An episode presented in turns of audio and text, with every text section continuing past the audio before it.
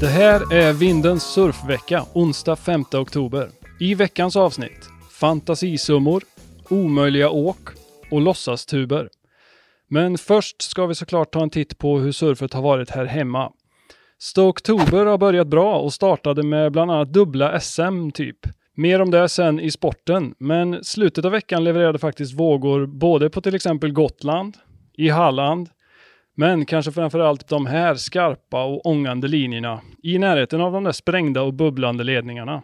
Hoppas ni alla fick komma i vattnet och om inte så bjuder veckan som kommer på ännu mer surf. Mer om det lite senare i prognosen.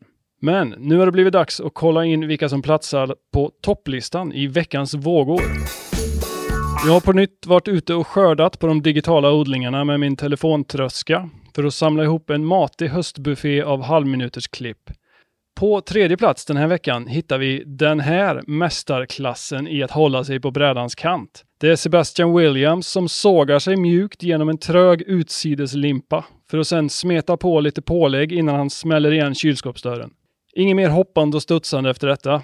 På andra plats hittar vi det här beviset för att det visst går att surfa en bred bräda snärtigt på backhandsidan. Vi ser här Colton Sullivan göra cirka 35 svängar på cirka 20 meter vänstervåg och jag lovar i alla fall att aldrig mer skylla på min bräda när jag åker rakt fram.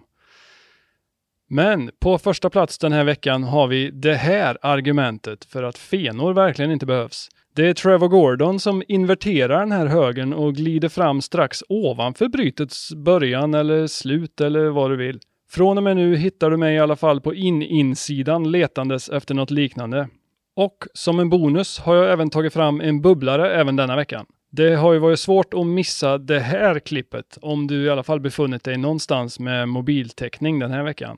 Det är Rob Kelly som ger ännu ett argument för att Perfect Swell-poolen i Brasilien är den tveklöst bästa låtsasvågen just nu. Kelly sätter sig till rätta inuti en transparent manet från en annan planet och Brasiliens surfturism ökar med 200 Okej, okay. om du sitter där hemma och behöver något mer att vila ögonen på en lite längre stund så har jag exakt vad du letar efter. Det här är veckans video. Australiens Oscar Langburn är inte längre den där lilla långhåriga snubben som hade spegelbilder av sina favoritartister målade på sina Hayden-brädor. Han är nu den där lite större snubben som surfar som en spegelvänd Andy Irons på sina Channel Islands-brädor. Titta, men glöm heller inte att lyssna på Langborn som filosoferar sig fram genom Indonesien på Ruckas Youtube-kanal eller klicka på länken här nere. Okej, okay, jag ska ta en liten paus här och under tiden så får ni lyssna till surfprofessorn David Braf som den här gången tar oss med på någon slags Stoke-resa i veckans visdomsord. Kör David! Tjena! Och god morgon. Jag sitter i bilen på väg till eh, surf. Jag tänkte säga några ord om eh, känslor som kan komma inför ett surfsession. Börja med att jag får uppfann en eh, känsla av hopp. Men nu är det som när man sitter på väg till surfet. Så har det här liksom blivit intryckt i en förstärkare på något sätt och dragits upp till max här. Men också någon nervositet ah, kommer det vara vågor? Kommer prognosen stämma eller kommer det vara platt?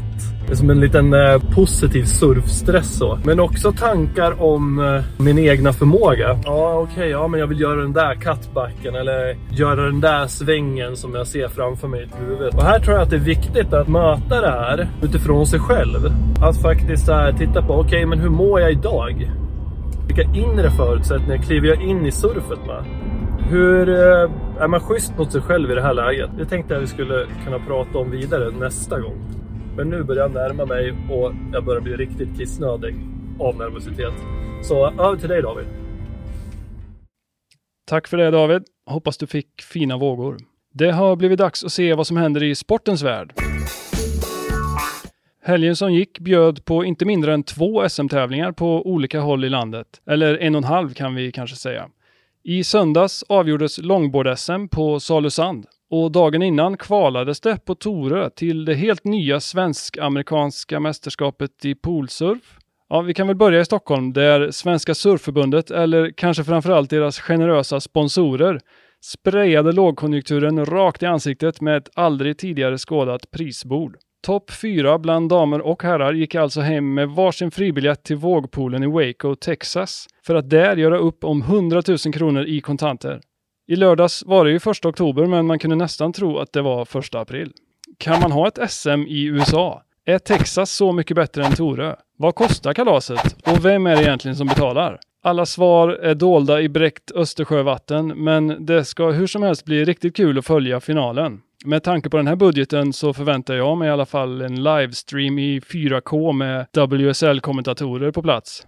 Vidare från kvalet gick Linn Birnbo, Sanna Hörvallius, Linnea Birnbo och Tanja Eriksson i damklassen samt Nick Holmgren, Reda Regragui, Johan Sellberg och Axel Cooper Williams i herrklassen. Stort grattis och lycka till over there! Det norrländska SMet å andra sidan satsade mer på avslappnad core än asmycket cash. Longboardtävlingarna hade varken 0,1 miljon eller USA-resor i prispotten. Men vem behöver det när man har så här klina vågor? Salusand bjöd på små men fina förhållanden och svensk mästare i lång bräda blev till slut Sofia Neslin och Roger Barros. Ungdomsklassen vanns av Isak Silvernord och SUP-surfguldet paddlades hem av Mårten Lundin. Stort grattis även till er! Med SM avgjort och i väntan på nya VSL-tävlingar så tänkte jag att vi tillsammans kunde starta upp en egen tävling. Det här är Surf World League.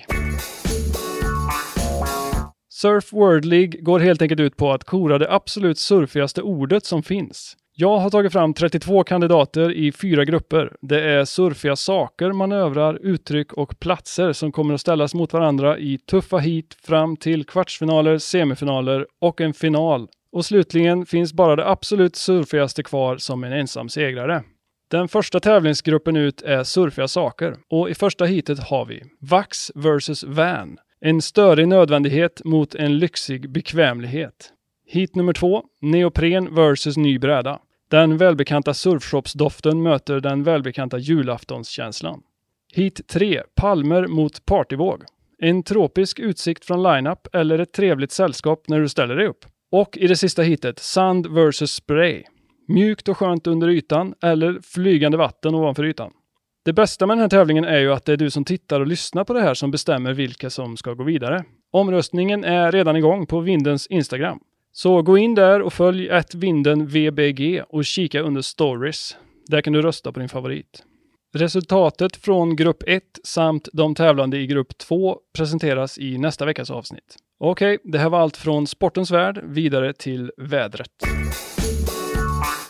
Stoktober fortsätter som den börjar med en vecka fullpackad med surf. Med start idag och en vecka framåt kommer det rulla in ett riktigt solitt system från sydväst. En liten vilopaus på söndag innan det tar ny fart igen efter helgen. Okej, det här var allt för den här veckan, men vi ses och hörs igen i nästa avsnitt. Tills dess, ha det bra!